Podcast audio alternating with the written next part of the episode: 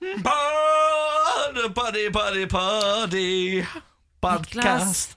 why? Ja, Hæ, det er voldsomt. Du kan ikke, altså det er greit nok du har hatt den der pop-pop-pop-podkast-sangen din, men Ja. at du starter sånn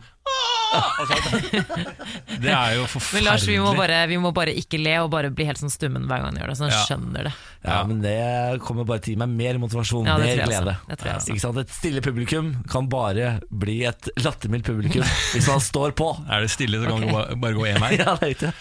Ja, hvordan eh, går det med dagen din da, Niklas? Nei, det går veldig bra. Samantha? Helt ok. Ja, og du der ute som hører på, hvordan Hvordan er din dag? Svar nå høyt hvor enn du sitter og hører på den podkasten her. Rop ut hvordan du har det. Ikke sant. Ja, det er flott, det. Ja, ja, sånn Nei, men eh, Her kommer dagens podkast. Vær så god. Morgen på Radio 1. Nå skal vi ha Norge, Norge, Norge-sak. Ja! Fordi på 30-årsdagen til Rihanna så hadde hun på seg en T-skjorte der det sto 'I hate Rihanna'. Seriøst? Mm. Hvem er det som har lagd den T-skjorten? Norsk. Det er åpenbart. Ja. Det er Fam Irvold, kanskje. da Nei! Det eneste jeg vet om som designer ting i Norge. Nei! Eh, eh, by Timo? Nei! Jeg vet ikke. Skal vi inn i kunstens verden, dere? Oh. Jeg visste ikke at denne mannen lagde klær engang, jeg, da. Vebjørn Sand. Nei. Nei, Er det han derre gærne han, øh, han øh, med dødshuset? Ja! Er det det? Bjarne Mjelgaard. Bjarne Mjelgaard, ja. Hæ? Ja, Bjarne Mjelgaard har lagd en T-skjorte der det står 'I hate Rihanna', og så står det på under 'Ikke stol på noen under 30'. Den hadde hun på seg på 30-årsdagen sin, eh, og det viser seg at Bjarne Mjelgaard driver med, eh, med, med fashion. Ja, det visste ja, ja. ikke jeg i det Det hele tatt. Jeg trodde han bare drev med bilder. Men det er liksom kult at når, i det vi oppdager det, så er det liksom det er ingen ringere enn Rihanna som har på seg T-skjorten hans. Ja, ja, og Dette er ikke eh, første gang, fordi at han lagde en jakke med bilde av mora si på, eh, som var det i to utgaver i en butikk i New York. Og Den ene kjøpte Rihanna, den andre kjøpte Kim Kardashian. Nei! Herregud. Så han er helt oppe og nikker, han. Men, men eh, sånne multitalenter altså Det henger jo litt sammen, da sikkert Ja. kunst og design og sånne type ting. Men jeg er så fascinert av mennesker som er gode på flere ting, eller eh, flere plattformer. Ja. Jeg vil også være det. Ja. Det er jo litt samme plattform, er det ikke det? da? Det å, Jo og det her går inn, og så tror jeg han får mye på en måte gratis. Han er den store kunstneren han er, og så lager han da et klestrykk eller plagg eller idé, så er jo det attraktivt fordi at han er den han er. Er det fint? Er den kunsten han lager, fin? Altså, Jeg klarer ikke å skille han fra noen andre. Det Altså, eneste han- jeg vet hvordan han ser det er Pushwagner sitt Ja, uttrykk. sånn, ja. Nei, altså Bjarne Melgaard da skal jo til en liten sånn uh, penis uh, som blir onanert og litt blod og Å, ja, han Litt sånn der, heavy greier. Ja, For er- han er litt sånn gæren, han. Altså, han har jo Det er vel noen artikler om at han hadde Han hadde hatt lange perioder på Crystal Meth. Blant annet, Ja, der, ja. eh, og han er jo litt uh, eksentrisk, skal jeg si. da altså, kanskje Virkelig noe vi trenger blant uh, norske kunstnere. Jeg er personlig, uten å kjenne han i det hele tatt, er jo fascinert og liker han er veldig godt. Ja. Er han det? Ja, ja, ja, ja, ja, ja. Ja, Da tar jeg tilbake alt det jeg sa. Nei, men jeg, jeg mener at jeg liker han veldig godt. Jeg har sett noen sånne intervjuer med han jeg syns han er kjempebra. Jeg støtter jo det der dødsboet han skal ha også. Det. Ja, det, synes jeg, det er en kul idé. Det Jeg synes jeg Ja. bør få lov til å gjennomføre. Kan du fortelle hva det er for noe? Ja, da Han har lagd sitt eget sånn eh, hus, et hus for å dø i, som nesten er jo et kunstprosjekt i seg selv. Eh, som er en bunker da, eh, under bakken, og eh, der skal bo og dø, da, på en måte. måte. ja, jøss. Eh, så er det jo vært mye diskusjon, for det er vel der oppe eh, i, der, rett ved huset til Munkemannen. Eh, Munch, eh, Munch. Eh, gamle området hans. Og der er det jo veldig mange som mener det er freda område og ditten og datten. sånn, så ja, der har det i hvert fall vært en god konflikt. Ja, skjønner. Jeg har sett noen overskrifter på det. Ja. Jeg har litt lyst til å snakke om eh, byggeskandalen som foregår på Stortinget. Eh, Leder av finanskomiteen Henrik Asheim, som også er eh, vår gjest. Det må, vi må jo Han er en faste huspolitiker. Ja, vi heier konsekvent på Asheim. Ja. Ikke partiet hans, da. Han eh, åpner for å kutte i Stortingets drift for å dekke deler av denne byggesprekken, i stedet for å bruke mer av nordmenns skattepenger. Det dreier seg altså om et byggeprosjekt i Oslo. Eh, nye kontorlokaler for stortingsrepresentantene. Budsjettet har steget med 1,3 milliarder mer enn planlagt. Så det er eh, det som snakkes om i gangene på Stortinget om dagen. Men kutte, hva er det de skal kutte da, liksom? Espressobaren, eller? Altså kaffebaren? Nei, drifts... eh, ja, det, det sier jo ikke Asheim, da, men han sier jo det at, uh, at isteden de må kutte 500 millioner et eller annet sted. Visste dere at eh, Stortinget har rørpostsystem? Nei, det tror jeg jeg har hørt. Er det sant? faktisk. Ja, det er sant, ja. De har et ekte fungerende rørpostsystem. Sånn at du, du, dytt- du legger eh, brev i sånne ampuller, og så sender du det av gårde i sånne vakuumrør rundt på Og Stortinget. det har jeg så lyst til å ha selv. Er ikke det, det, er er så ikke det noe av det tøft. kuleste du har hørt? Ja, Ja. Det har de jo på Rikshospitalet òg. Har de det? Ja, ja. Ja, dette er sånn, Sender de blodprøver og sånn? vet du. gjør de det Ja, ja, ja. i sånn lufter? Det er så kult. Det- er så rått. Men Asheim eh, sammenligner det her med å, p- eh, når man pusser opp badet f.eks. Han sier sier hvis du pusser opp badet og budsjettet sprekker, så må man kutte andre ting for å kunne betale regninga. Og litt sånn tenker han med det her også, da, at istedenfor å måte, kreve skattepenger fra nordmenn, så må man kutte noe annet. Kutte litt av lønna deres, kanskje, Fordi Ja, den er ganske høy, faktisk. De tjener veldig gode penger på Stortinget. Uh, MDG ute med nytt forslag om å dele kupé nå på nattoget. Eh, hvis man kjøper sovekupé på nattoget, så har man jo kjøpt hele kupeen. Eh, og der er det jo to senger, altså en køyeseng. Eh, har du tatt nattoget og sovekupé noen gang? Ja, fra Ja. Bergen til Oslo. Ja, da vet dere at det er som et ekstremt lite hotellrom. Altså Det minste hotellrom du kan tenke deg. Spør om jeg får strukket ut beina i den Nei, det får du ikke. Nei, det gjør Det gjør du ikke. Eh, Og de, de sengene er jo også utrolig smale, så jeg som litt tjukk person føler at jeg ligger på liksom, At jeg ligger på et gjerde og venter på å falle av. Eh, Men nå vil de altså la folk dele kupeen for å få ned prisene og få flere til å reise miljøvennlig. Dette var jo noe NSB til, eh, hadde, hadde tilbud om fram til 2004. Eh, Da slutta de med det, fordi det var utrolig få som ville dele kupé. Spørsmålet mitt er, hadde dere villet dele kupé med noen, en fremmed for å få billigere togbillett?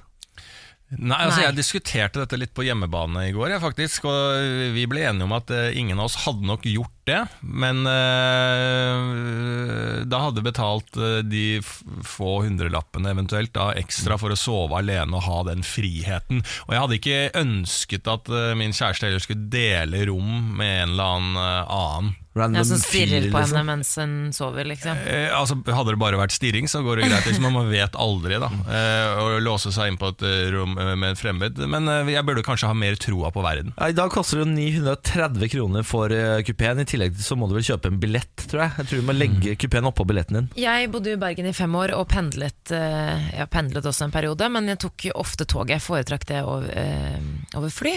Og jeg syns det var for dyrt. Jeg t- gjorde det bare én gang fordi jeg fikk noe sånn rabattgreier. Men jeg syns jo det er for dyrt i utgangspunktet. Men jeg har en sånn intimsone som er veldig Ja, det, jeg klarer jo ikke å hadde nesten ligge i seng med min egen kjæreste. Ja, Du klarer så vidt å sitte her i radiostudio med oss, du. Samantha sitter alltid med park, parkas Ja, eh, på ikke ta på seg. meg. Ikke ta på meg. Uh, girl in the bubble.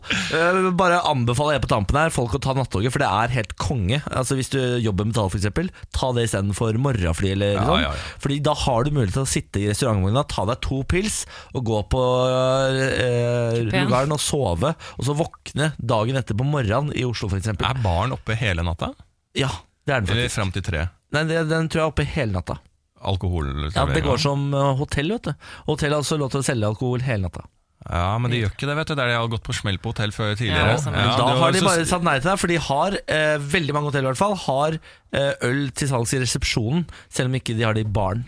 Ok, I hvert fall på det hotellet jeg jobba. Ja, ja, Jeg har vært resepsjonist, vet du, natt, og da Ja, solgte jeg ja, ja. øl hele natten. Morgen på Radio 1. Morgen på Radio 1, hallo og takk for at du hører på. Lars Berrum er våken, halloi! Halloi. Samantha Skogran er våken, halloi! Hei, hei. Og inn fra sida kommer hun rolig, Siri Kristiansen, halloi! Hallo! Hun er jo da altså vår rådgiver, eh, eller hva er det du er for noe? Du er uh, rådsmor? Jeg er eh, en rådgiver eh, mm, eh, Hva heter det, sånn generator?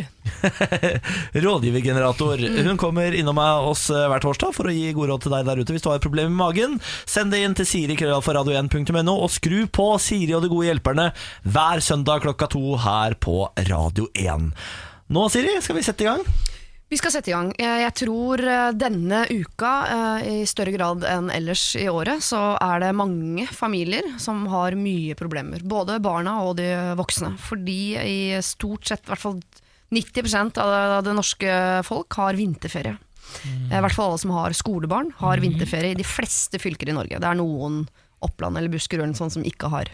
Hordaland, Eh, tror jeg. ja, del av Hordaland. Ja, det altså, det er noen få, ikke sant? Er det Ok. høstferie nå, tror jeg? Norge, sånn ass. Her, Ja. Potetland kan ikke bare kjøre alle over en kamma. Men da tror jeg de har vinterferie neste uke, så får vi bare huske disse rådene. Ja. Det vil jo si at uh, as we speak, så er det en del folk som plutselig er oppå hverandre, som er vant til å ha fri fra hverandre, i hvert fall midt på dagen, fordi da får man jobbe mens barna er på skolen og sånn. Plutselig skal man være sammen 24 timer i døgnet, i dagevis. Det kan være ganske tøft, både for uh, foreldre og barn, og spesielt kanskje ungdom.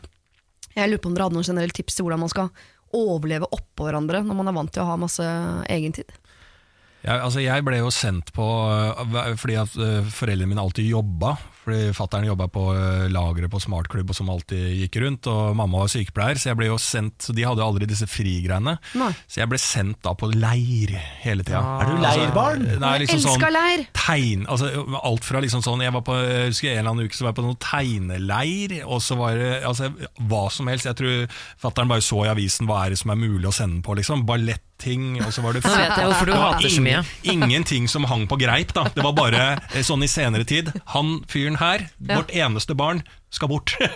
Han skal plasseres eh, et eller annet sted, for nå er han plutselig fri fra skolen. Så det, men jeg hadde ålreite minner fra det.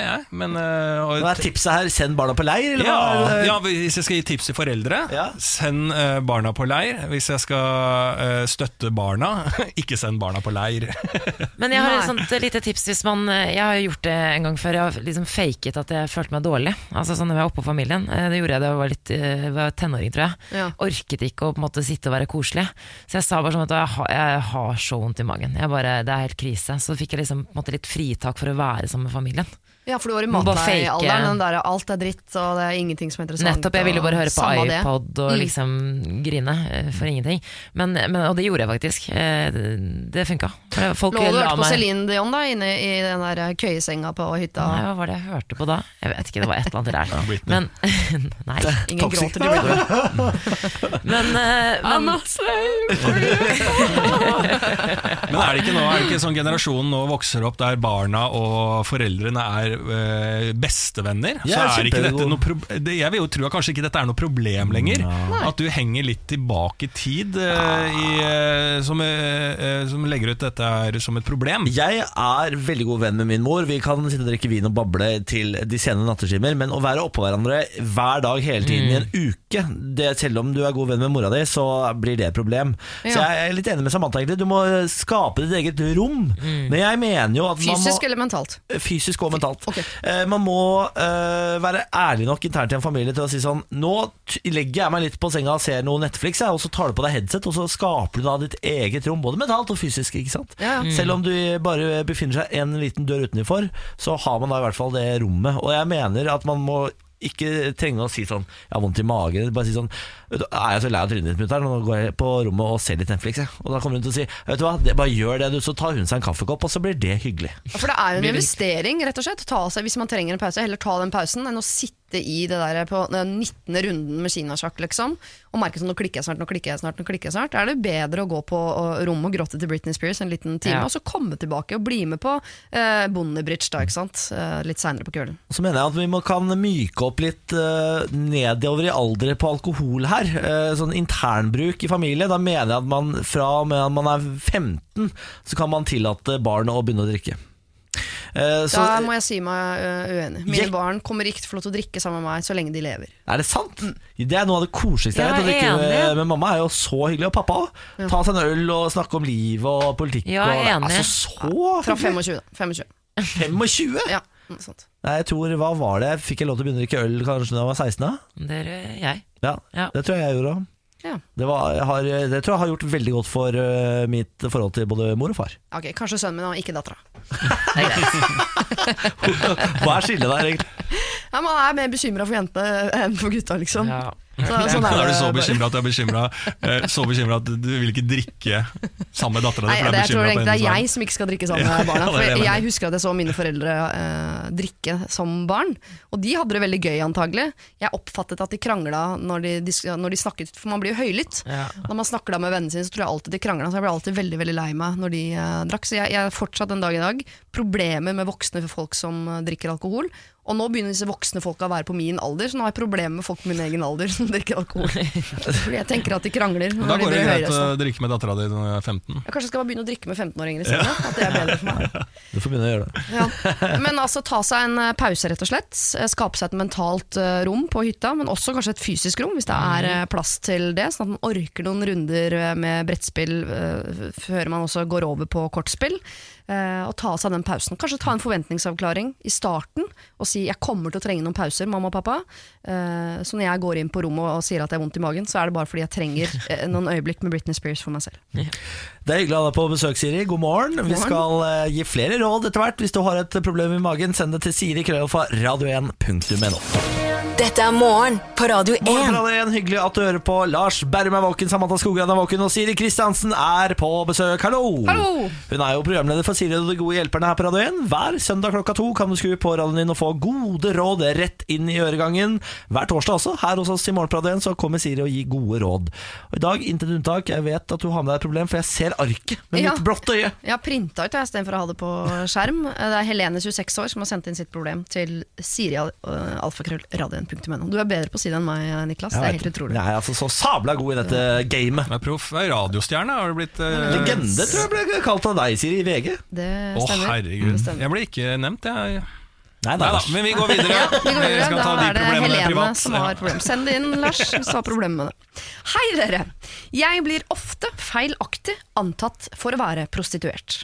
Jeg antar dette handler om at jeg bor veldig sentralt i Bergen, i kombinasjon med mitt ikke-nordiske utseende, og at jeg går med en tykk parkas som er veldig god og helt uaktuell å bytte ut. Sist uke skulle jeg møte kjæresten min ved bussen og ventet ved et hjørne rett ved holdeplassen. To menn spurte hvor mye jeg tar for sex, og jeg merker at det er langt flere menn som sender søkende blikk mot meg. Jeg får lyst til å si 'ser jeg ut som hore', eller? Men da impliserer jeg jo at prostituerte ikke ser bra ut, eller i hvert fall ikke sånn som meg, på en måte. Og det er jo ikke de prostituerte jeg er sur på, men heller de mennene som kjøper sex, og som får meg til å føle meg som en vandrende sexdukke. Til nå er jeg bare høflig avvist, men jeg syns disse mennene er ekle og burde settes på plass. Hvordan kan jeg sette disse kundene på plass uten å fornærme eller snakke nedlatende om prostituerte? Helene 26. Det er et problem jeg regner med dere har diskutert en del tidligere. Ja. Ja. Hva gjør du? eh? Hva jeg, hva jeg gjør Samantha? personlig? Nei, jeg har tenkt på det litt. Hvis jeg har pyntet meg litt, og jeg pleier ikke å kle meg noe særlig utfordrende, eller noe, men jeg har tenkt på det eh, et par ganger når jeg har tasset rundt ned i sentrum her i Oslo. Om jeg på en måte Er det noen som tror at jeg er en prostituert? Jeg har tenkt på det. Ja. Jeg er også ikke, ikke nordisk utseende. Folk kan fort eh, miste Jeg har ikke blitt tatt for det, Nei. men jeg, merker, jeg har kjent på det Der, Jeg håper virkelig ingen tror at jeg er prostituert. Det er veldig gøy at du uh, går ut og tror Eller tenker sånn, er det noen som eh, tror at jeg er hore? Uten at noen noensinne har gjort det, så er det sånn Du, Ja. du, du føler selv at du kler kjenner- deg som en hore. Samantha, det er det Nei, men, nei, men det er bare det å være Jeg forstår Helene, for det er et eller annet med det ikke-nordiske utseendet. Er det det, da? Ja, det er et eller annet med det. Jeg har kjent på den frykten, faktisk. Men noen av disse blikkene hun får, kan jo være rett og slett at hun ser veldig bra ut, at folk bare ser på henne fordi Oh, hun er damn. pen. Men Ja, har ikke hun på seg en svær jakke? Var det ikke det du sa? En sånn Parkas, ja. Det er litt Men det kan jo hende at eh, Det må jo ta til betraktning her, at hun kanskje bare har eh, ikke ser hvor vakker hun er sjæl. At folk bare titter.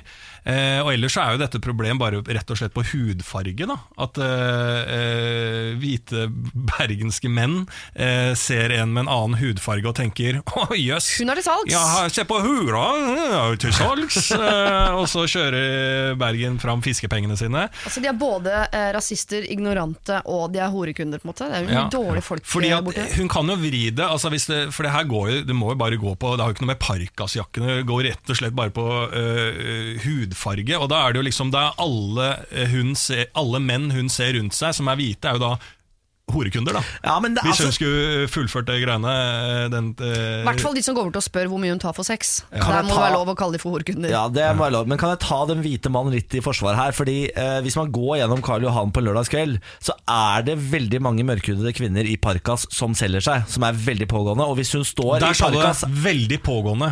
Altså, du, Ja, men- du, men de, sier, de, de kommer og tilbyr det. Ja, men hvis hun står på et gatehjørne i Parkas og er liksom l- se utseendemessig helt lik alle de som går i Karl Johan, så er det jo ikke så rart at hun kan bli eh, tatt for å være prostituert.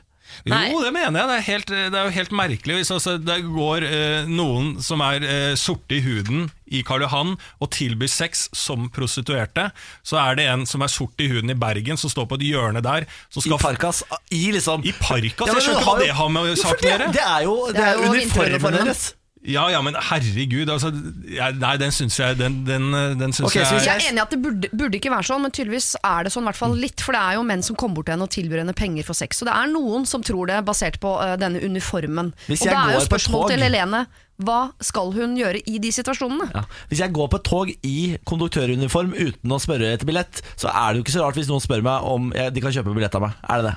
Ja, Det er rart nå, for nå har man apper sånn at kjøpe kjøper billett. Så er det ikke, de selger ikke om bord. Det er vanvittig uttale, jeg. jeg- Jeg må bare få lov til å si det fra Niklas Baarli. Jeg har lov til å eh, beklage på vegne av programmet. Men jeg, har, jeg mener at hun, hun kan jo eh, finne en litt sånn sassy kommentar. Det er jo ikke så mye hun får gjort med det, for det er jo lov å gå til folk og spørre om uh, hvor mye du skal betale for sex. Det er jo lovlig, sikkert. Det er jo ytringsfrihet, det sikkert òg. Ja. Eh, som bare sier sånn Du, jeg er dessverre ikke prostituert, eh, men Dessverre. eh, ja, ja, men, en eller annen sånn, litt sånn tilbake sånn Men jeg håper at du finner deg Og kanskje snakke litt høyt, hvis det er folk rundt. At, eh, at du kan liksom oh, jeg sånn jeg sånn. Du, jeg er dessverre ikke prostituert, men jeg håper du finner en uh, hore.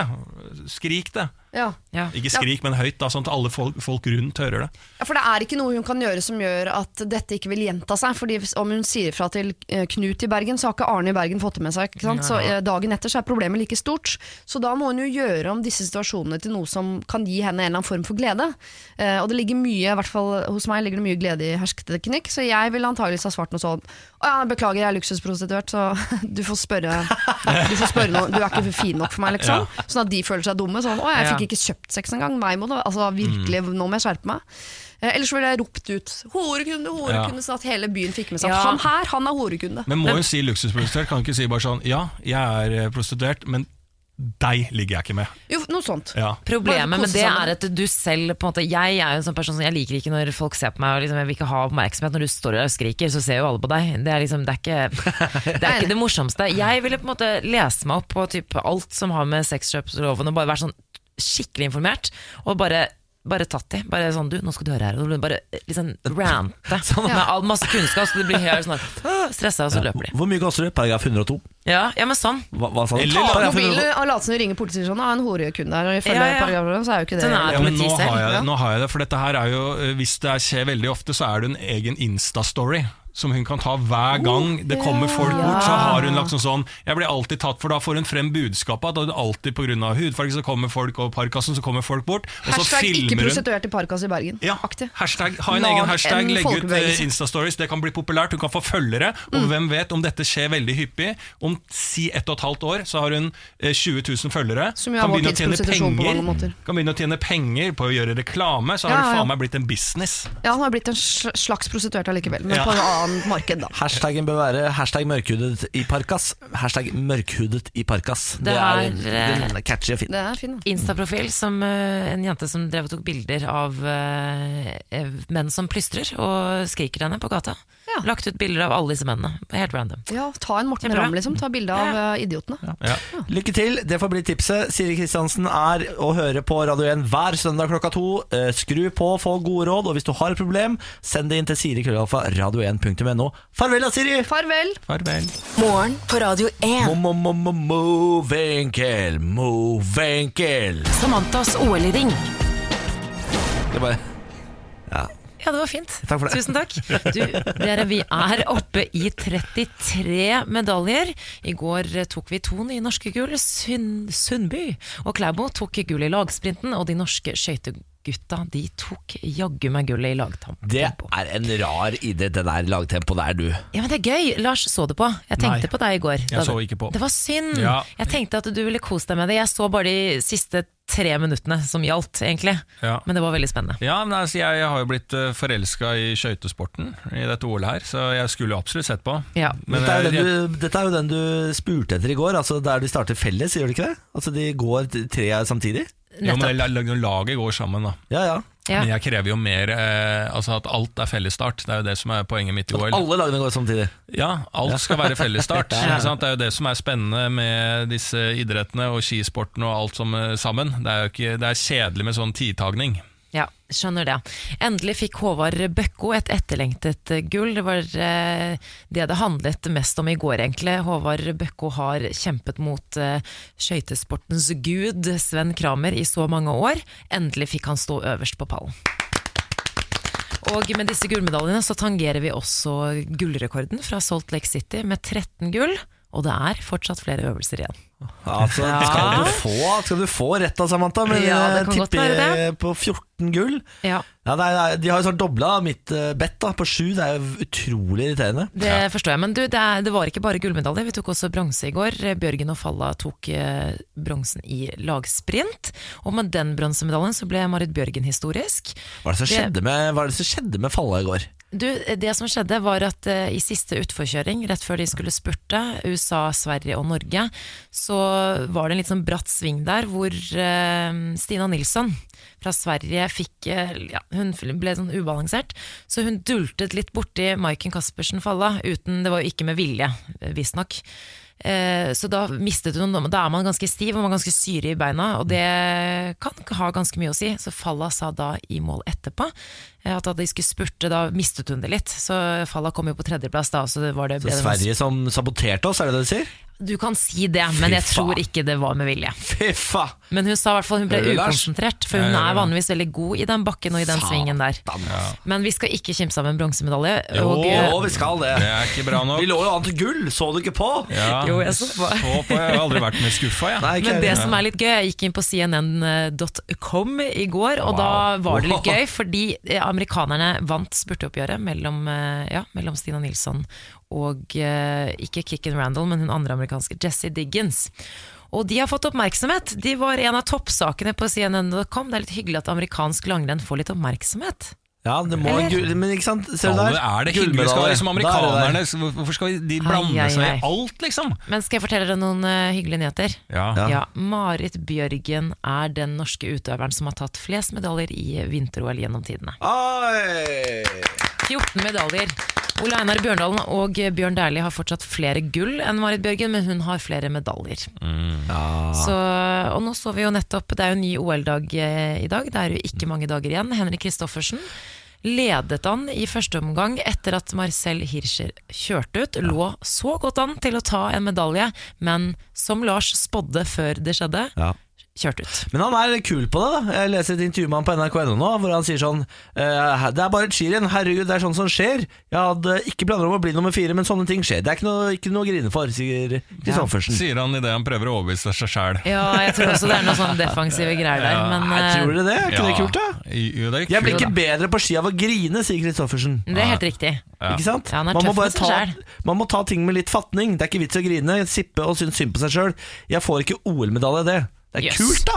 Ja, det er kult, men det er jo alle de andre gangene han har tapt, så har han jo kasta ting veggimellom og alt sånt, så han har jo ikke blitt bedre Altså, det er ny taktikk, da, så får vi se om det her blir bedre. Han har Blitt funnet, bedre med på reaksjonen, i hvert fall, Ja. som du sier. han har funnet eh, mindfulness, ikke sant? Han har sikkert begynt med noe yoga eller et eller annet. da Ja. Ja, det tviler jeg, tviler jeg på. Ragnhild Mowinckel kjørte slalåmkombinasjon i dag. Gjorde bra utfor-delen. Kom på andreplass da, og så, da det skulle kjøres slalåm, så endte hun på den sure fjerdeplassen. Men jeg tror hun er ganske fornøyd med to medaljer. ja. Ja, hva, Hun tok gull, eller? Tok to sølv? Så det er ikke bra nok for deg, men Nei. det er bra nok for oss. Ja, men Hun var jo ikke favoritt. Hun var beste plassering før dette. her I hvert fall i storslalåm var vel sjetteplass. Ja, ja. Så dette er- Eh, så klinka hun til med sølv, så det er jo nydelig, da. Ja, men Bedre lykke neste gang, da, Mowinckel. Neste. OL, ikke sant? Da sitter han da for gull. Ja. Vi har jo en konkurranse gående her, da, i, internt her. Vi nevnte jo det litt, men det er jo, vi tipper jo på totalt gullmedaljer til Norge. Der jeg har tippet eh, taktisk lurt 11. Eh, Niklas taktisk dumt tippa 7.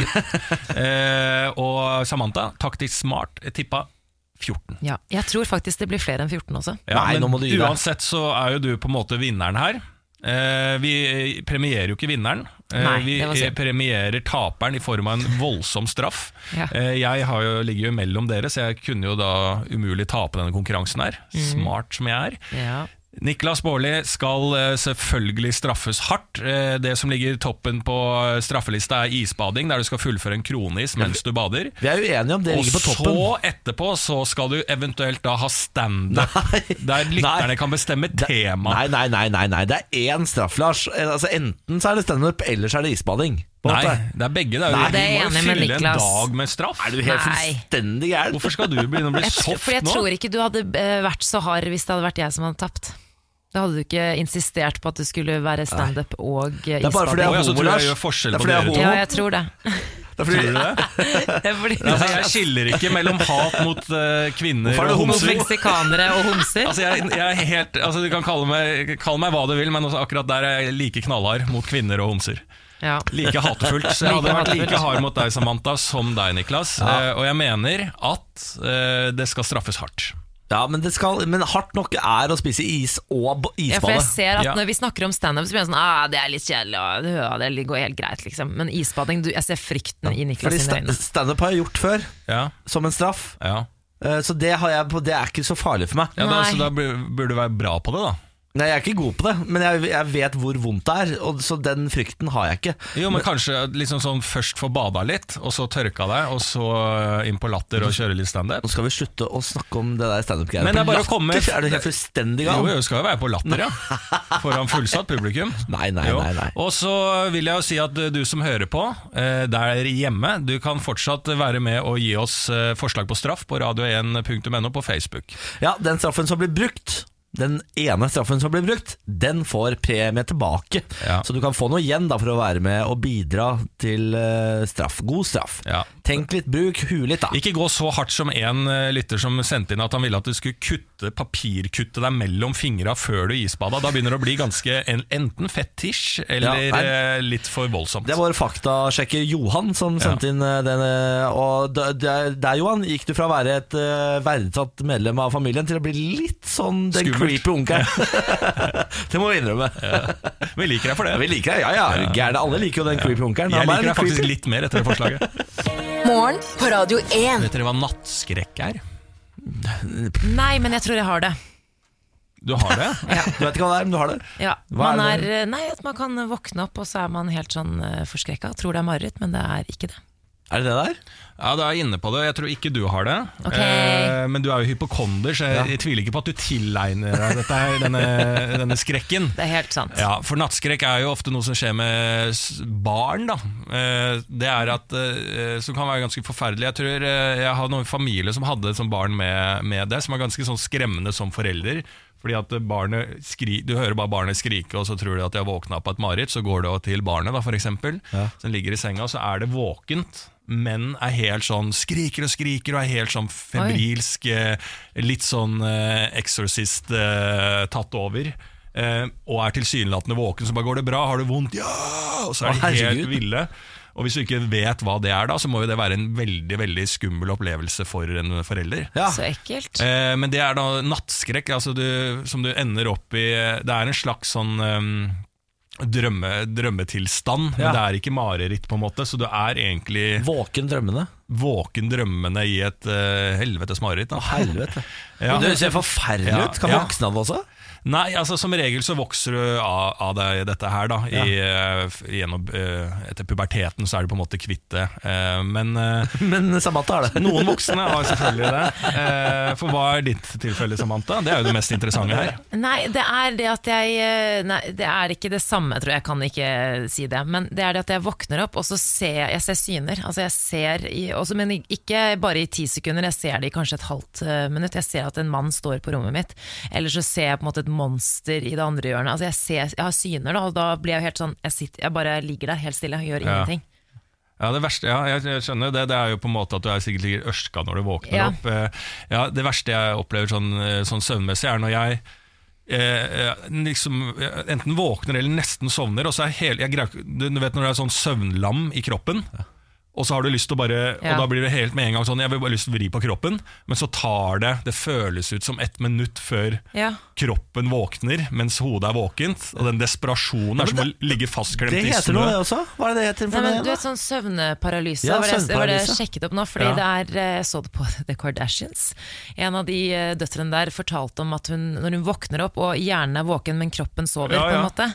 Det er søvnparalyse. Ja, det er det er en, helt, eh, og, den, å få den derre og, og jeg faktisk å få noia. Ja. Jeg, vil, jeg vil snu meg! Jeg vil snu meg! Så bare sånn, jeg må ikke snu meg, det er bare å ligge til det. For jeg vet jo at den kroppen kommer i gang om få sekunder. Så jeg skjønner ikke hvorfor hjernen er så jævlig hypp på å snu seg med en gang. Da. Bare ligg, da. Du har ligget på ryggen i en hel natt, så dette går bra, Lars. Men de som har sånn søvnparalyse, det er ganske ubehagelig, fordi man vil Det er det samme som for vi som ikke har det, kan relatere. Du vet når hånda di sover eller noe, Ja, ja. og så skal du prøve å liksom Eller armen. Skal du prøve å løfte armen din, så går det ikke. Det er litt sånn, da, fordi, men kroppen klarer ikke å ta imot signaler, så du klarer ikke å røre på deg uansett om du Det er så rart at ø, hvis man har den sovende hånda så, ø, Om man skal ø, løfte opp den armen ja. Det er sånn Å ja, å ja, å ja hånda sover! Jeg, får ikke, å, jeg, jeg har lyst til å rekke den i været, jeg! Nå! Hvorfor det? Kan du ikke bare bruke huet og bare sånn «Ah, Ok, den sover, da bare lar jeg den henge. Ja, du- Så bruker jeg den andre hånda litt hvis det er noe jeg absolutt må gjøre. Det er ikke så lett å bruke hodet alltid, for jeg vet hva som skjedde med meg for noen minutter siden. Jeg, skulle, jeg skvatt og trodde at det var noen som tok meg i ansiktet, fordi armen min var jo, sov jo. Og så skulle jeg snu meg, så fikk jeg en hånd i trynet, og jeg bare jeg skrek så høyt. Men det var min egen arm, det var min egen hånd, men den sov. Du må jo få inn altså, Vi må jo få inn et kamera på soverommet ditt eh, bare for å eh, få disse hendelsene. Du må jo være en ja. Ja. Har, Har du ikke sett den VG-videoen? VGTV-videoen av han fyren som har et kamera på soverommet som er helt gæren når han sover? Nei. Så bare, Han våkner og så bare 'Å, fy faen!' Og så ser han ting, og bare reagerer 'Å, fy, hallo!' Og sitter sånn i senga og det er roper til veggen og sånn. Han er helt Ja, Se sånn, den VGTV-videoen. Emil, Emil, Emil, det er noen der. Det er noe der. Altså, hvor mange ganger Emil har våknet og jeg har sagt at det er noen på rommet? Han bare Ja. nei, det er slu. Altså, Ja, han er så vant til det det. eneste jeg har hatt nå etter morgenjobbegreiene, er å lø altså, eh, når jeg sovner på dagtid og har sovet veldig lite før jobb, og våkner da og ikke aner hvilket døgn det er, om jeg er morra og alt, og jeg bare Jeg hopper opp av senga, løper ut i stua og står bare naken i stua, og der står jeg og stirrer enten ut av verandadøren eller bare, jeg bare står der, og inni hodet mitt så foregår det så mye uten at noen ting foregår. Og så er det som om alle byggeklossene innvendig liksom sånn Du heter Lars Berrum. Du er 30 år, du er, nei 31 år, du er oppvokst der, og så liksom kommer det opp, og, så, og nå er klokka syv på dagen, for du har morgenjobb, så du har sovet på dagen. Og så til slutt så står jeg der som et fullverdig menneske og bare sånn Å ja, ja, jeg får ta meg noe mat. Slow start. Herregud. Eh, vi skal ha en tur til eh, MC-klubben, eh, La Familia. La familia. Eh, har, vet hva en 1 %-klubb er? Det er, altså det er jo Noen MC-klubber er jo kriminelle, og de kaller seg en 1 %-klubb. De er tett, eh, tett koblet med narkotika, torpedovirksomhet osv. Du trenger ikke å fortelle Lars. Lars vet. Ja, ja det, Lars er, vet. det glemte jeg. Du er jo eh, du er jo sikkert medlem i La Familia. Eh, Flere av flere av disse klubbene kommer til Norge og prøver å etablere seg. Nå har La Familia MC etablere seg i Haugesund. Ja, det er, det er, det er gøy. La familia Haugesund. Ja.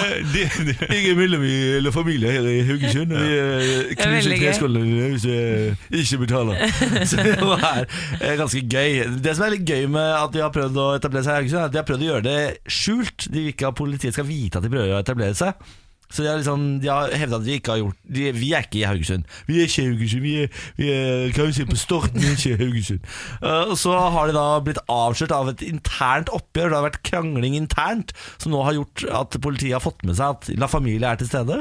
Og nå sier uh, politiet at de skal prøve å knuse La Familia før de klarer å etablere seg. da Oi. Det er norsk Sons of Anarchy. Jeg veit det. Det er skikkelig spennende Men vi må og helt ikke jævlig, snakke om det, selvfølgelig. ikke sant? Nå er du i risikosonen, Niklas, for nå har vi snakket om La Familia. Å herregud, kommer La Familia til å står utenfor her? er det du som er Niklas Baarli? Kom her! Kom her! Jeg, jeg tar ikke noe parti her. Jeg tar ikke noe parti Du tør ikke uttale deg om La Familia? Jeg uttaler meg ikke, jeg bare sier at uh, det er Niklas Baarli som driver og snakker om dere. Ja, det kommer med den dialekten der, jeg beklager, men Ja, det er litt sånn eh, Jeg klarer ikke helt å ta det seriøst. Er det, det er litt dumt å si? Det er ikke bare La Familia som heter det, hele Haugesund er ute etter deg nå. La etter den der- Familia. Det er ikke noe med dialekten, den er bare ikke så farlig. Herregud, for en skummel dialekt. Nei, men eh, kjære La Familia, hvis dere hører på, vi elsker dere. Eh, velkommen til Haugesund. Eh, Kos dere der. Lykke til. Vi heier på dere. Morgen på Radio 1. Det er dags for en ny utgave av Lars Bærums morgenkviss. Ja da, ja da, ja da. Tre spørsmål står klare til deg, Niklas Baarli, og deg, Samantha Skogran. Dere er et quizlag. Har dere et quizlagnavn? I dag heter vi Quiz meg i øyet. Hva sa du? Quiz meg i øyet. Quiz meg i øyet, som er da et uh, ordspill på piss meg i øyet. Ja. Samantha, hva tenker du? Nei, må vi ha navn hver eneste gang? Ja, nei, altså Dere må ha et forslag, i hvert fall. Og så Ja. må du godkjenne det om det vil stå inne for det navnet. Ja, ok, greit. Nei, jeg vil ikke i dag. I dag vil jeg ikke ha det. Da blir det ikke navn, Niklas. er- Beklager. Men dere skal få spørsmål for det. Tre spørsmål, alle svarene får dere helt til slutt. Ja vel. Første spørsmål. Hva står A-en for i Petter A. Stordalen? Åh Nei, A-en. Kan vi eh, Petter er, Men eh, spørsmålet er har han to etternavn, eller har han et mellomnavn? Ikke sant? Vel. Er det Andreas, eller er det Petter Andreas Stordalen, eller Petter André? Petter Andrea? Er kanskje noe spansk Petter der. Asle? Petter, Petter Asle. Petter Asle Stordal. Petter Asle Stordal. Ja. Men vent, da. Eh, Men hva Barna hans har jo Nei, men det er jo sikkert moren sin. De har jo dobbeltnavn. Jeg vet hvem datteren er. Og hun har dobbeltnavn, men, men hun, det er sikkert moren sitt navn. Vet du. Det er jo ikke hans navn. Men hva, hva er det, da? Jeg prøver å komme på det nå. Ja. Ja. ja da. Hva kan en A stå for? Men uh, fader heller, da. Ok, la oss eh, kanalisere vår indre Skavlan. Han, eh, jeg så jo det intervjuet. Mm, Jeg tror ikke han ha, tok med etternavnet der. eh, mellomnavnet. Nei, man bruker jo ikke etternavnet. Kan vi spørre om det er et mellomnavn eller et etternavn? Eh, ja, det er litt vanskelig, da. Mellomnavn. Altså, det er ikke som i fornavn. Nei, ok, så etter, Ja. det er et Ok, da er det etternavn. Men jeg har et mellomnavn også, og det er jo et etternavn i, i for seg, det òg. Petter Andreassen Stordalen. Ja. Det er kanskje en grunn til at han ikke bruker det, eller hvis det er veldig langt, f.eks. Andersen? Hva, hva, okay, Petter Andersen Stordalen. etternavn på A. Andersen, Nei, Vi må ha et svar, altså, vi kan ikke gå gjennom alle. Altså, gå, gå for Dere, er jo, dere vet jo ikke, det blir bare tipping. Ok, Anders, vi, vi har jo ikke peiling. Andersen. Andersen. Petter Andersen Petter Stordalen. Ok. Ja, Da går vi til spørsmål nummer to. Petter Hva Andersen Stordal. Ja, jeg vet det, men eh, vi har jo ikke noe Ja, bedre. Ja, Dere har jo ikke noe bedre. Nei. Spørsmål nummer to. Hva heter den store plassen som ligger øst for Kreml i Moskva? Hva heter den store plassen som ligger øst for Kreml i Moskva? Ja, Den røde røde den røde plassen. ja. Det er en veldig kjent plass i Russland, så jeg regner med Er det den røde plass? Ja, Stemmer det, ja? ja. det er noe som heter det, så det men jeg blir usikker når du gjør sånn, Niklas. Men det høres det hørtes feil ut i hodet mitt. Hvorfor det? Hva er det den plassen heter for noe, da? Det heter ikke, det er ikke sånn den svarte eller den grønne, det er jo noe som Petersplassen, den, eller hva faen er det? Petersplassen. Er det ikke noe som heter det? Det er den røde Peterplassen, Ikke, ikke bli usikker nå. Nei, ok, nei, vi tar den røde plassen, vi. Ok, Spørsmål nummer tre. I hvilket land ble Buddha født? I hvilket land ble Buddha født? Nepal. Oi! Hello! Jeg syns buddhismen var veldig gøy da vi hadde religionstime på barneskolen. Jeg tror det er Nepal. I dag vil jeg påstå at Samantha Skogran er i quizform. Ja? Hun er Jeg quiztastic. syns ikke Andersen Stordalen var så veldig bra. Jeg tviler på at det er det, men kanskje Nei, men Det er jo vanskelig når de ikke aner hva A-en skal stå for, så må det jo bli en tippekonkurranse. Ikke sant, det er det det blir. Ja, og eh, Oddsen er ikke på deres side der. Nei, men da Vi går på alle svarene. vi. Ja, Nepal ble svaret deres der. Da går vi på spørsmål nummer én. Hva står A-en for i Petter A. Stordalen? Anker er riktig svar. Nei, det visste jeg faktisk. Du Egentlig. gjorde det? Ja. Ja. Jeg har også hørt det. irriterende. Ja, det da var det det. Ja, ok. Jeg så- ante ja, ja. ikke eh, at han hadde en A i navnet sitt i det hele tatt. Ja. Å ja, sier du det? Han Ja. bruker jo aldri Petter av Stordalen, så det er ikke så rart. Nei. Spørsmål nummer to. Hva heter den store plassen som ligger øst for Kreml i Moskva? Her svarte dere Den røde plass. Ja. Å nei. Å nei. Det er riktig! Og i hvilket land ble Buddha født, Samantha?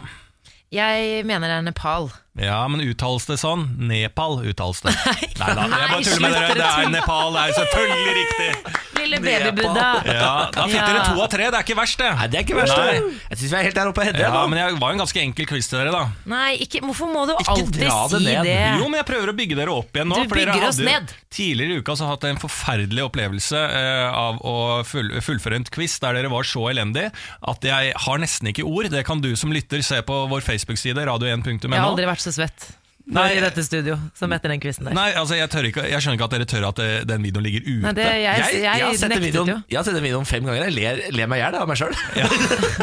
Livet må være så fint for deg oppi hodet ditt, Niklas. Det er bare å kose seg med Ja, sin egen ja, ja, ja. Idiot, uh, idioti. Ja. Ja, det må være, være trygge nok på dere selv til å kose dere med egen idioti. Det er mitt uh, visdomsord for dagen. Vær så god. Morgen på Radio 1. Og vi har snakka litt om eh, søvn vi i dag. Det har nesten vært en litt sånn rød tråd. Ja, Ja, det syns jeg, synes jeg var hyggelig. Vi har fått en del meldinger også på dette her, eh, som også kjente seg veldig igjen eh, i eh, problematikken vi la opp ved å eh, da våkne opp med en sovet Ja. arm, eller søvnparalyse, som det så fint heter hvis man våkner opp og er helt eh, frisk i huet, men du får ikke beveget på kroppen. Eller da eh, ha nattskrekk, som eh, er forbeholdt ofte barn, men som Samantha, hypokonderen i gruppa, kjente seg veldig godt igjen i. Ja, helt Eh. Jeg har lyst til å bare ta en liten tilleggshistorie på dette her, som jeg mener at jeg greide å få til, som jeg aldri har fått til i livet mitt før. Eh, Det var, eh, Jeg husker ikke helt når det var, men det er ganske nylig som jeg kom på idet vi begynte å snakke om søvn, er at jeg greide faktisk mesterstykket å Jeg sov, jeg tror det var litt sånn dagtidssoving. Og så hadde jeg en kjempedrøm som var liksom fantastisk. Jeg var en ganske rå dude i den drømmen, for å si det mildt. Jeg ordna ting. Eh, og så våkna jeg. Eh, og så ville jeg bare tilbake i den drømmen. Ja. Så jeg gikk og tok meg et glass vann, løp tilbake, altså tissa et glass vann, løp tilbake i senga, la meg, og kom meg inn i drømmen Nei, igjen. klarte du det? Jeg klarte det det. umulige. Det umulige, tror jeg, da. I hvert fall når jeg våkna etter. Jeg husker jo ikke nå hva jeg drømte om, for det glemmer jeg om med en gang. Det er sånn her må jeg skrive ned, her var jeg ganske rå. Eh, og så glemmer jeg det selvfølgelig, men da når jeg våkna igjen, så tenkte jeg jeg greide å komme meg inn i drømmen igjen. Jeg vet ikke om det er bare det, er bra, det er bra gjort. ja, jeg vet ikke om det er optimismen min som sa til meg selv da jeg våkna at jeg tror jeg faktisk greide det, eller om jeg greide det, men jeg har faktisk troa på at jeg gjorde det. Det har jeg Optimismen så var det lyst til mange- Jeg har så utrolig lyst til det mange ganger, å gå tilbake i drømmen, men jeg får det faen meg aldri til. Nei, det er det. Jeg husker jeg hadde kjærlighetssorg da jeg var sånn 17-18 år gammel. Og da husker jeg at Hver gang jeg drømte, så drømte jeg at jeg var sammen med han typen som jeg var forelska i. Eller ulykkelig forelsket i. Mm. Og jeg ville, bare, jeg ville bare legge meg og sove og drømme igjen, men jeg fikk det aldri til. Men hvis du ligger sånn i døseland, sånn nesten sove eh, når du drømmer, men er litt våken, hvis du skjønner hva jeg mener, Ja. eh, da klarer jeg ofte å gå inn og ut av drømmen. Ja, det er sant. Det er, den, det er eh, det beste stadiet for å få lov til å styre drøm. Ja. Så For du døs- sover ikke, det er ikke drøm, det er bare en tanke du styrer sjøl. Ja, men det, er, det føles ut som drøm. Ja. Du ser jo bildene for deg som Ja. om det var en drøm. Ja. Svensk politi lokket vitne med 50 millioner kroner i Palme-saken. For de som ikke husker det, eller for oss som ikke var født. I 1986 ble Sveriges statsminister eh, Olof Palme skutt og drept på en fra kino i Stockholm. I 1986, året Lars Berrum ble født. Kødder du? Det er- har jo gått hus forbi der. Ja, det er ikke alle som Man skal ikke kimse av det. Det er ikke alle Vi har folk som er født ganske mye etter det også, som kanskje hører på oss. Folk vet ikke hva. Spice Girls er, Lars. Nei, nei, og jeg eh, vet ikke hvem Adolf Hitler er. Nei, jeg levde ikke da, så jeg aner ingenting. jeg. Nå disser du folk som ikke er interessert i historie. Nå skal jeg fortelle en liten historie. Det var jo en mann som heter Christer Petterson som ble dømt for drapet. I 1989, men ble senere frikjent i ankesaken. Han døde i 2004, og drapet er fortsatt ikke oppklart. I eh, SVTs program Oppdrag granskning så viser nye opptak at svensk politi lokket rusmisbrukere med penger for å vitne mot Christer Petterson, som da sto tiltalt for drapet på Olof Palme. De skal ha tilbudt 50 millioner kroner for avgjørende opplysninger om gjerningspersonen. Og flere vitner har hevdet at politiet lokket dem med penger og manipulerte vitnemålene deres for å på en måte få eh, litt mer eh, bagasje da, på Christer Petterson. Du skal være li- rimelig rå for å si nei til 50 mil. Da. Det, det, Ja, det var jo bare tull, da. Eh, Men anklagene ble jo aldri bevist. eh, Og politiet har jo i alle disse år eh, avvist disse anklagene. Men eh, nå kommer disse opptakene frem, og det kan bli interessant hvordan det Skandale, alt Ja. det som tilhører den der eh, Palmesaken i, rundt av hvordan de har etterforsket det. Men uh, Oppdrag gransking, jeg trodde de bare der var lette til norsk doping i langrenn. jeg. Det Ja, de- Eneste gangen jeg hører om Oppdrag gransking, er når de har funnet noen sånne rapporter på norsk doping, Ja. og så viser det seg at det ikke stemmer. Og så er Oppdrag gransking svertet, og så kommer Ja. de tilbake neste år med noen nye greier. Men nå retter de blikket mot seg selv, Ja, ja. Så Ja, det ja, er, ja, vi får se, da. Vi får se hva som eh, på slutten av Oppdrag gransking ja, så, ja, så står det sånn Vi tror det er Bjørn Dæhlie. Det er deilig, så skjøt han.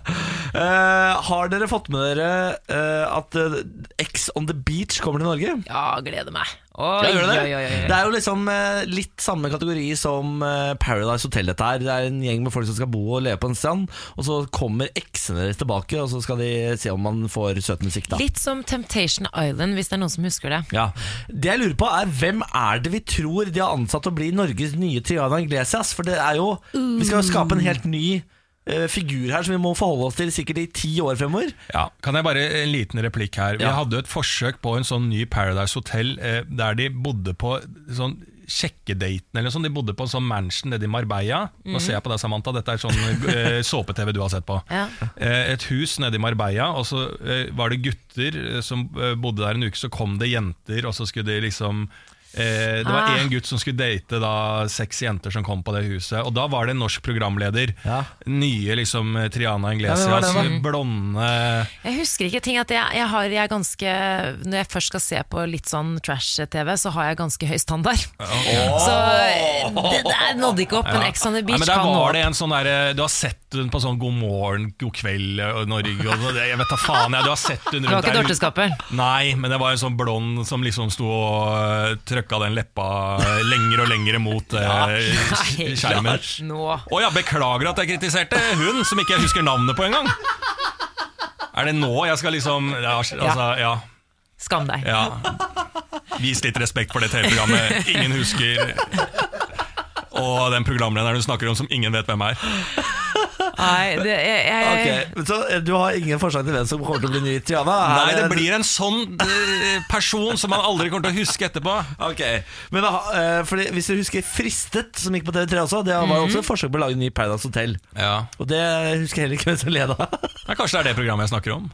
Fristet? Ja. Der, der var det sånn eh, Du får eh, 20 000 nå, ellers kan vi betale for din mors kreftoperasjon. Ok, nei, det er Så, så det. da måtte du ta en avgjørelse Ja. på om du ville gi 20 000 til gruppa, eller om du ville gi mora di en operasjon hun Ja. trengte. Det var et forferdelig program.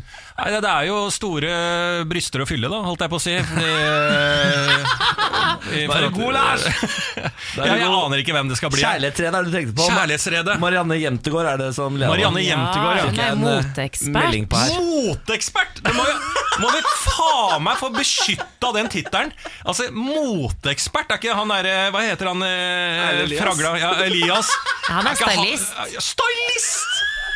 Jesus er Christ! Jeg er ikke noe uh, fasjonista, men herregud! Jeg mener Skal du disse Jan Thomas For å nå, snakke da? språket de kan, da. 110 sikkerhet at jeg kan mer om eh, mote og st eh, styling enn Erlend Elias og hun uh, Gunhild Jentegård. Jeg tror ikke du kan det. Vet du, hva vi skal, vet du hva vi skal lage? Vet du hva vi skal lage, Lars? Nei. En style-off mellom deg og Erlend Elias. Ja, det er, det er faen meg med på. Uforberedt. Jeg ser på vår praktikant Jørgen. Bare ring Erlend Elias, få han booka. Vi skal lage en style-off Ja, ja, ja. Hvis han styler folk sånn som han går kledd sjæl, så vinner jeg. Lars! Det må jo være lov å si det. Rolig nå. Men det må jo være lov, det. Motangrep. Motangrep! Ja. Ikke mot, men moté-angrep. Nei, nå må vi gi oss. Vi må spille musikk snart. Morgen på Radio 1. Ja, for da står det til med gjengen. Det står bra til. Ja, så godt å høre. Vi skal i gang med Bårlis lydrebus. Gleder oss. Ja, det håper jeg dere gjør. Dette er en konkurranse som går ut på at jeg lager lyder med min munn. Og så skal vi fram til én aktuell nyhetssak. Dette er eh, Samantas favorittspalte. Det er det. Jeg gleder Lars meg. eh, er ambivalent til den foreløpig. Skeptisk. Men du begynner å komme på eh, side, du òg. Ja, nå har jeg begynt å skjønne hva du driver med. Ja. Er vi klare? Ja. Vi skal ha tre lyder. Alt skal altså føre fram til én og samme aktuelle nyhetssak. Her er lyd nummer én.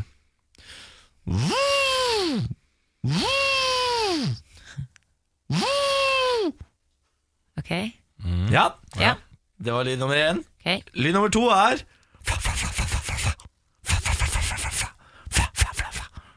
Ok. Lyd nummer tre er bang, bang, bang, bang, bang, bang, bang, bang. Bang, bang, bang, bang, bang, bang, bang, bang. Bang, bang, bang, bang, bang, bang, bang, bang. Hørte Det var lyd nummer tre. Og det var det? Det var det. Ok, Den første hørtes litt ut som en støvsuger. Ja. Men jeg Du Altså- tenker på lyden Ja. Men var det noen fugler altså, altså fugler som flak... Liksom eh, Jeg kan gi dere Kanskje der, I dag er det veldig vanskelig. Ja. Jeg, det skal jeg være ærlig Jeg kan legge til et hint som gjør det en god del lettere. Ja. Trenger dere det? Ja. det jeg vil bare ha det sagt at i dag gjorde jeg den vanskelig nok. Ikke Ja. sant? Ja. Ok, Her er lyd nummer fire, da. Tilleggslyd. Money, money, money, money! Money! ja, så vi skal Vi skal til Donald Trump. Det skal ikke til Donald Trump. Teamsongen på Apprentice. Ja, men det er ikke, skal ikke til Donald Trump. Nei. Nei, det er jo umulig, da. Du har jo bare flakka litt med kjeften. da Det er uh... Nei, det er Vet du hva, du Vent skjønner det så godt. Fugl, penger, støvsuger Hva tror jeg vi kan legge vekk støv, støvsugeren? Dere hopper over. Bang, bang, bang, bang, bang. Bang, bang, bang, bang, bang. er det kanskje er det, det er ikke skudd, da, det er Lars? krig Jo, altså er det våpen Det er ikke våpen. eh, Det er helt på jordet. Er det Ok. helt på jordet? Det er helt på jordet. Er det helt på Har det noe med jordet? verdensrommet å gjøre? Bang, bang, bang, bang, bang. Det er Bang, bang, bang, bang, umulig, bang. da. Er det Elon Musk? Jeg har ikke Nå må vi jobbe. Må vi Vi må- jobbe. men jeg kaster ut ting, i hvert er fall. rein Hva- tittelkonkurranse. Det er jo en aktuell nyhetssak fra Å, jeg Norge, vet! dette her. Fra Norge, nei, det vet jeg ikke. Jo, jeg vet. Er det noe med helikopter å gjøre? Nei. Ok, Ikke noe med våpen å gjøre? Nei. Ok, Bang, bang, bang, bang. Ja, er det noe sånn byggeprosjekt? Er det byggeskandalen i Stortinget? Ja! Det er byggeskandalen i Stortinget! Jeg og Lars er gode. Nå skal jeg forklare deg lydene. Oppussing, drill. Ikke sant? Ja. Bang, bang, bang, bang, bang, bang, bang. Det er det var ikke hammer. så, det var bra, det. Og så money, money, money, money. Money! Ja, men det hadde en tillyd. Ja, det var, det var pengene eh, i en minibank. Å ja. Fy faen. Den syngingen din, den er, den er så rå at jeg vet faktisk ikke hvor jeg skal gjøre av meg. Nei, det er god, den. Ja. Så Det var eh, nok en utgave av Bårdlis lydrebus. Tusen takk for at dere deltok. Takk for å få være med. Morgen på Radio 1. Og en liten gladnyhet. Vårt norske curlingpar får bronse. De reiser tilbake til Pyeongchang og får medaljeseremoni. Var jo Russeren som de spilte mot eh, i bronsefinalen, ble jo tatt for doping. så Reiser nå- de tilbake? Du, de har fått eh, billett eh, betalt og bestilt og, tilbake til Pyeongchang for at de skal få en medaljeseremoni og få bronsen sin. Og det er fint, fordi ofte når man blir tatt, folk blir tatt for doping, så er det etter et mesterskap. Så da får man på en måte ikke sjansen til å få seremoni og sånne type ting, Og nå får de det. Men Lang eh, flytur for en seremoni, da. Ja, jeg hadde altså Det er jo litt det, den gidder det virkelig det. Men eh, det er den kast av den der domstolen eh, Idrettens voldgiftsrett. Ja, som uh, Therese Johaug ble dømt i og alt sånt. Den skulle ha møte med disse russerne på torsdag, så det så, lå jo an til at dette kom til å bli en lang sak. Ja. Men russerne de har bare sagt bare sånn Nei, det, jeg gidder ikke å prøve å renvaske meg engang. Altså, bare sånn gir opp.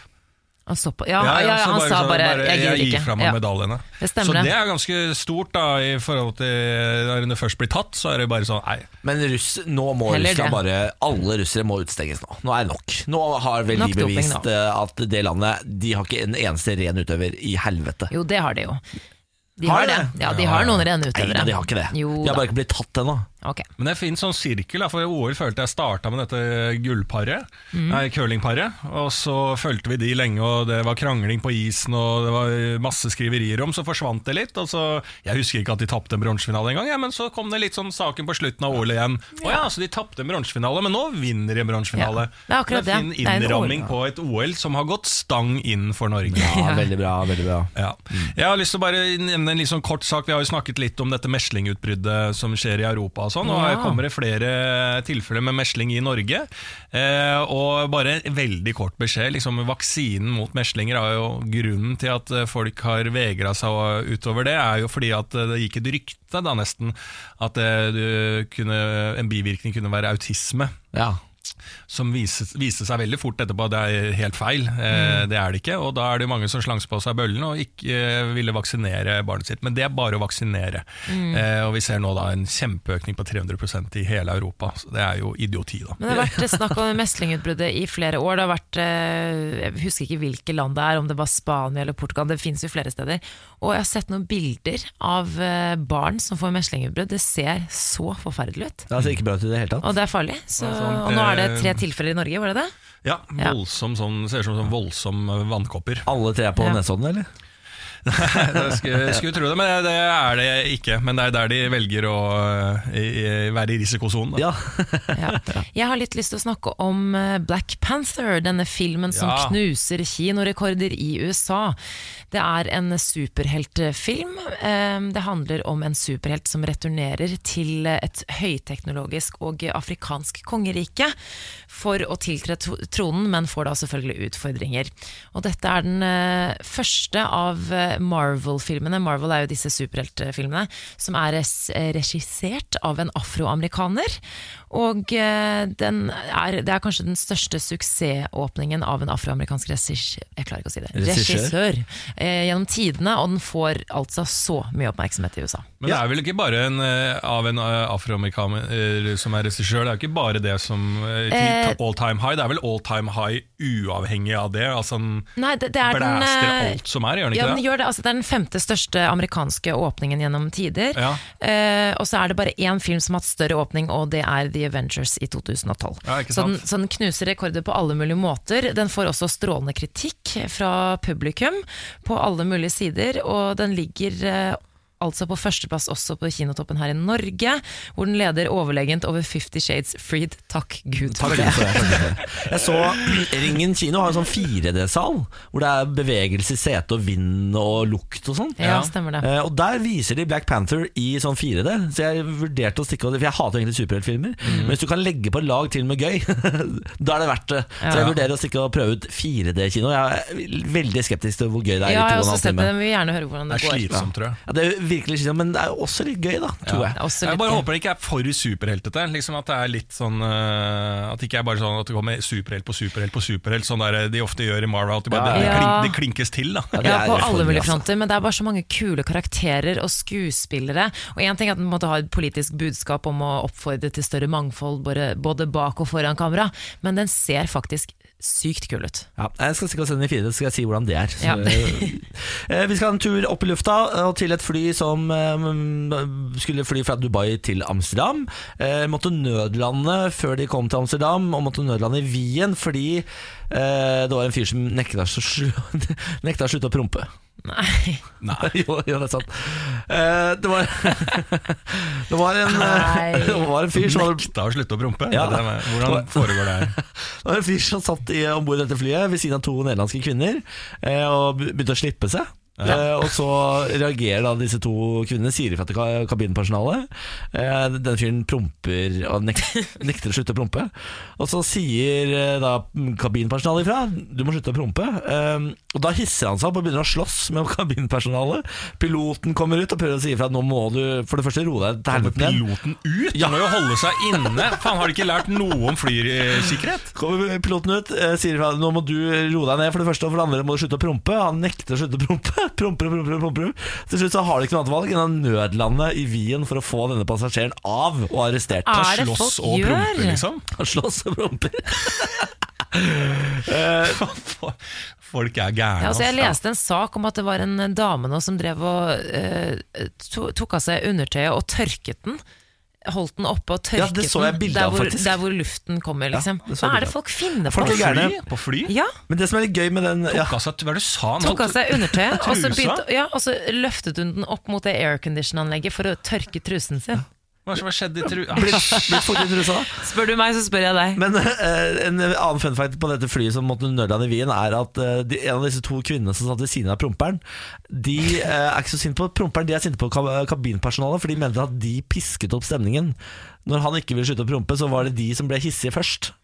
Eh, Altså, tenk å sitte ved siden av den mannen der. Det er så mye rart. Nei, jeg elsker det. Jeg heier på Nei, flere du prompere i ikke. eh, Transavia Airlines. Skjerp deg. Forferdelig. Dette er morgen på Radio 1. Det var det. Det Niklas, det. Niklas, er fornærmet for at vi må Nei, det er ikke, jeg er ikke fornærmet. Nei, er du, ikke fornærmet? Nei, du er bør være glad. Det nærmer seg helg. Kjempeglad. Ja, men det nærmer seg helg, Niklas. Ja. Ja. Nei, vet du hva, Nå skal jeg ut og gripe torsdagene. ja, hvordan skal du gjøre det, da? Med begge henda. Rundt eh, noe som rommer en halv liter.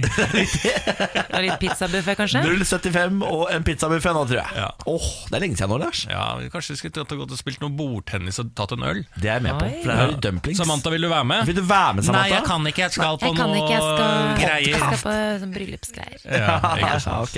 ja, men Da får du kose deg Men på du har- husk at du bryllupsgreier. har fått tilbudet, da. Ja. Ja, men det er veldig viktig, at det, og ta- og takk for at dere inkluderer selv om dere ikke vil. Jeg tøyser. Ja, det, det er du som ikke vil. Ja, det er du, vi, hver gang inviterer Ja, vi deg, og så sier vi sånn Jeg blir ikke invitert. Vi, gir deg, vi kommer til å invitere deg helt fram til sommeren. Etter sommeren kommer ikke, da kommer du til å få én invitasjon. Søren, jeg vet det. Bare Jeg må se skjerpe på meg. Jeg må skjerpe meg. Insta-story hvor gøy vi har det. Eller, trist, eller trist, da. Det er bare oss der. Sitter jeg og spiller bordtennis og griner Ja. over en øl. Ok, nei, men vi høres i morgen. Ha det.